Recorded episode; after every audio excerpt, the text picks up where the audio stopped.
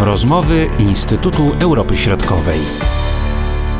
Przed mikrofonami Marcin Superczyński. Witam i zapraszam do słuchania naszego podcastu. Opozycyjna Platforma Za Życie cieszy się największym poparciem na Ukrainie. Tak wynika z ostatnich sondaży przeprowadzonych przez Kijowski Międzynarodowy Instytut Socjologii.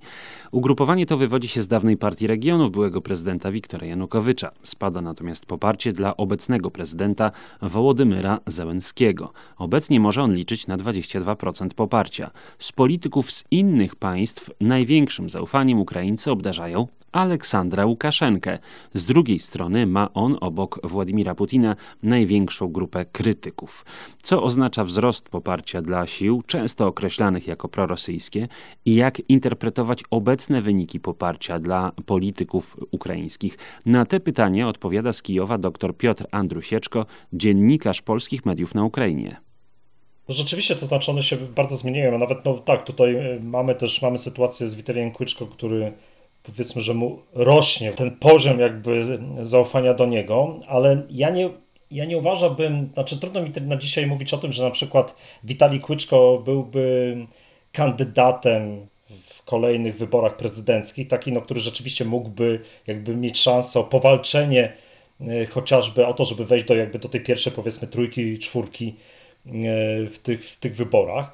Wydaje mi się, że bardziej to, co jest takie widoczne w tych, y, w tych rezultatach tych ostatnich właśnie sondaży, to jest to, że jednak widzimy postępującą, malejącą w zasadzie właśnie tak postępująco, e, malejący, e, malejącą pozycję samego e, prezydenta Ukrainy, Władimira Zełenskiego, bo pamiętamy z jakim wynikiem on wygrywał, bardzo wysokim, a widzimy jak bardzo jakby ten, ten właśnie to poparcie dla niego w ostatnich miesiącach spadało. To oczywiście jest, pewną taką, jest pewnym takim naturalnym jakby y, rzeczą u polityków, którzy są przy władzy, tak, którzy właśnie spełnią te najwyższe y, funkcje.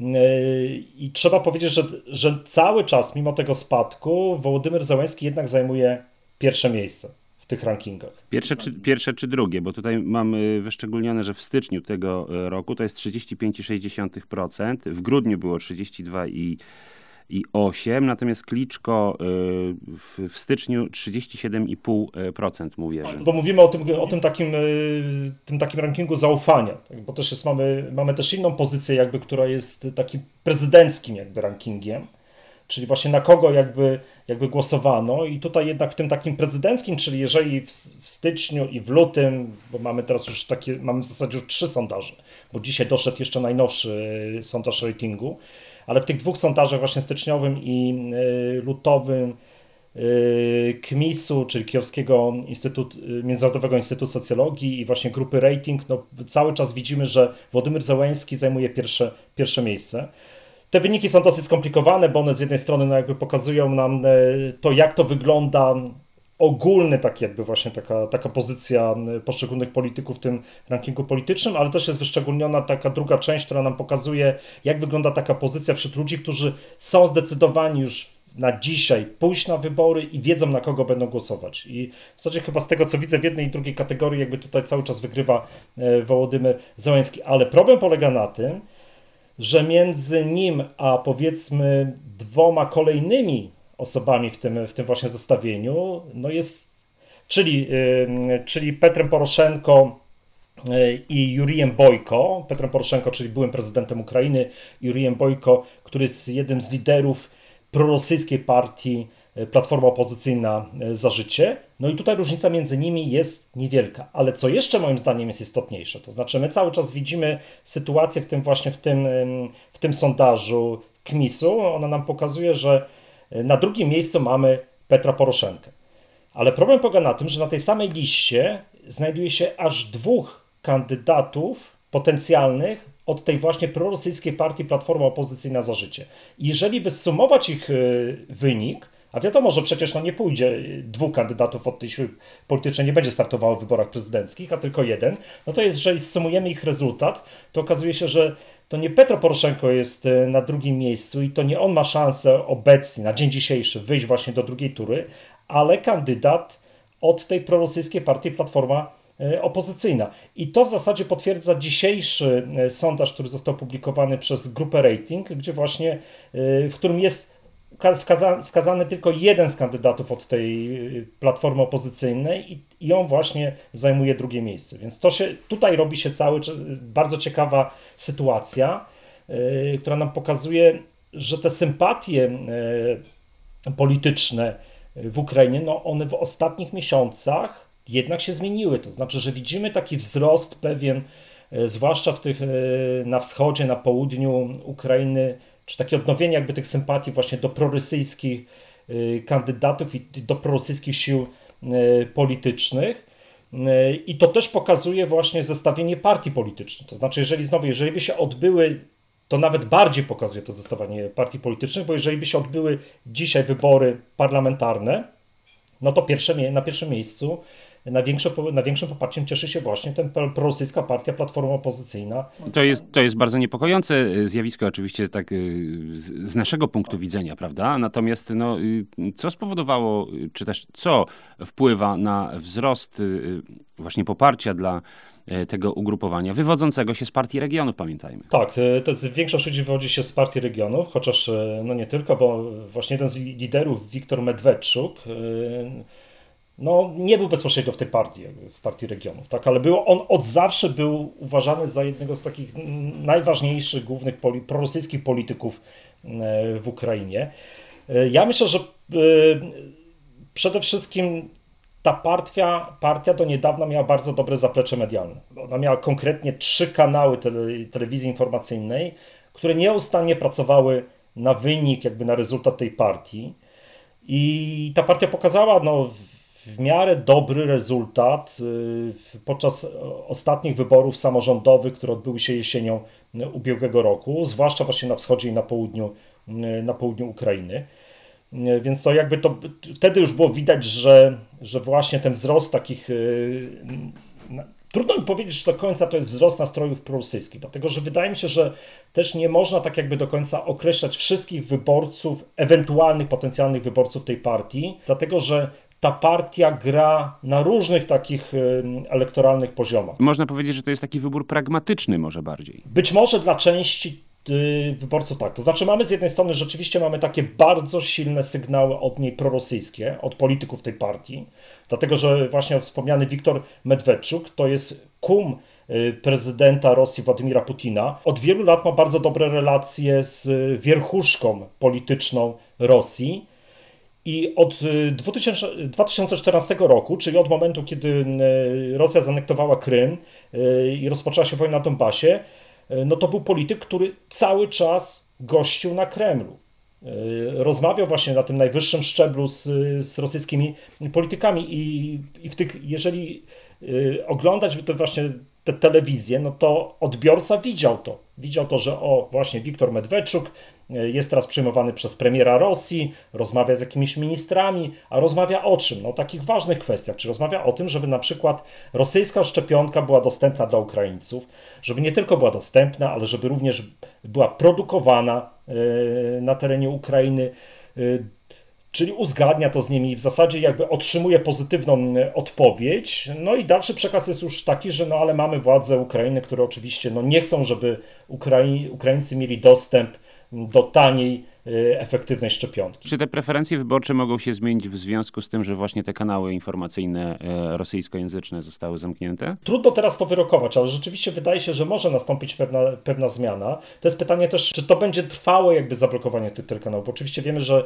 y, że zapewne właściciele tych telekanałów no, będą próbowali odnowić jakby ich translację poprzez sąd, ale wczoraj wieczorem były interesujące dane oglądalności na YouTubie tych, tych kanałów telewizyjnych i łącznie te trzy, trzy kanały telewizyjne oglądało 20, chyba tam 2-3 tysiące osób, czyli ta widownia była bardzo mała, co pokazuje, że rzeczywiście ich odłączenie no, ewidentnie jakby skraca tą liczbę właśnie e, odbiorców. A jeśli chodzi o poziom zaufania do polityków z zagranicy, e, bo tutaj y, no, można też bardzo ciekawie interpretować te właśnie wyniki. Największym e, zaufaniem, politykiem, który cieszy się największym zaufaniem e, mieszkańców Ukrainy, jest Aleksander Łukaszenka, tam ponad 30% pozytywnie odbierał, 36% odbierało pozytywnie Łukaszenkę. No oczywiście też należy czytać tę drugą stronę, że ponad 50, czy tam około 50% nie wierzy mu, prawda? I to był chyba największy odsetek, z tego co pamiętam. Natomiast, no nie, nie największy. Największy to jednak, jednak Władimir Putin, tam ponad 70% negatywnych, ale także prawie 15% y, y, pozytywnych. Na drugim miejscu był y, Joe Biden. Ja myślę, że jeżeli chodzi o Joe Bidena, to może mamy taką sytuację, że po prostu mm, oczywiście w cudzysłowie zwykły Ukrainiec jeszcze nie bardzo się przyzwyczaił do nowego prezydenta. Możliwe, że nie wiem jakby to wyglądało, jeżeli by tam się znajdował, byłoby to przeprowadzane kilka miesięcy temu i tam by się znajdował e, Donald Trump. Natomiast ja mam tutaj jeden zarzut jakby do tego zestawienia, dlatego że w zasadzie mm, respondenci mogli wybierać tylko między czterema politykami, którym zaproponowano, czyli właśnie Łukaszenko, Biden, e, Macron i Putin.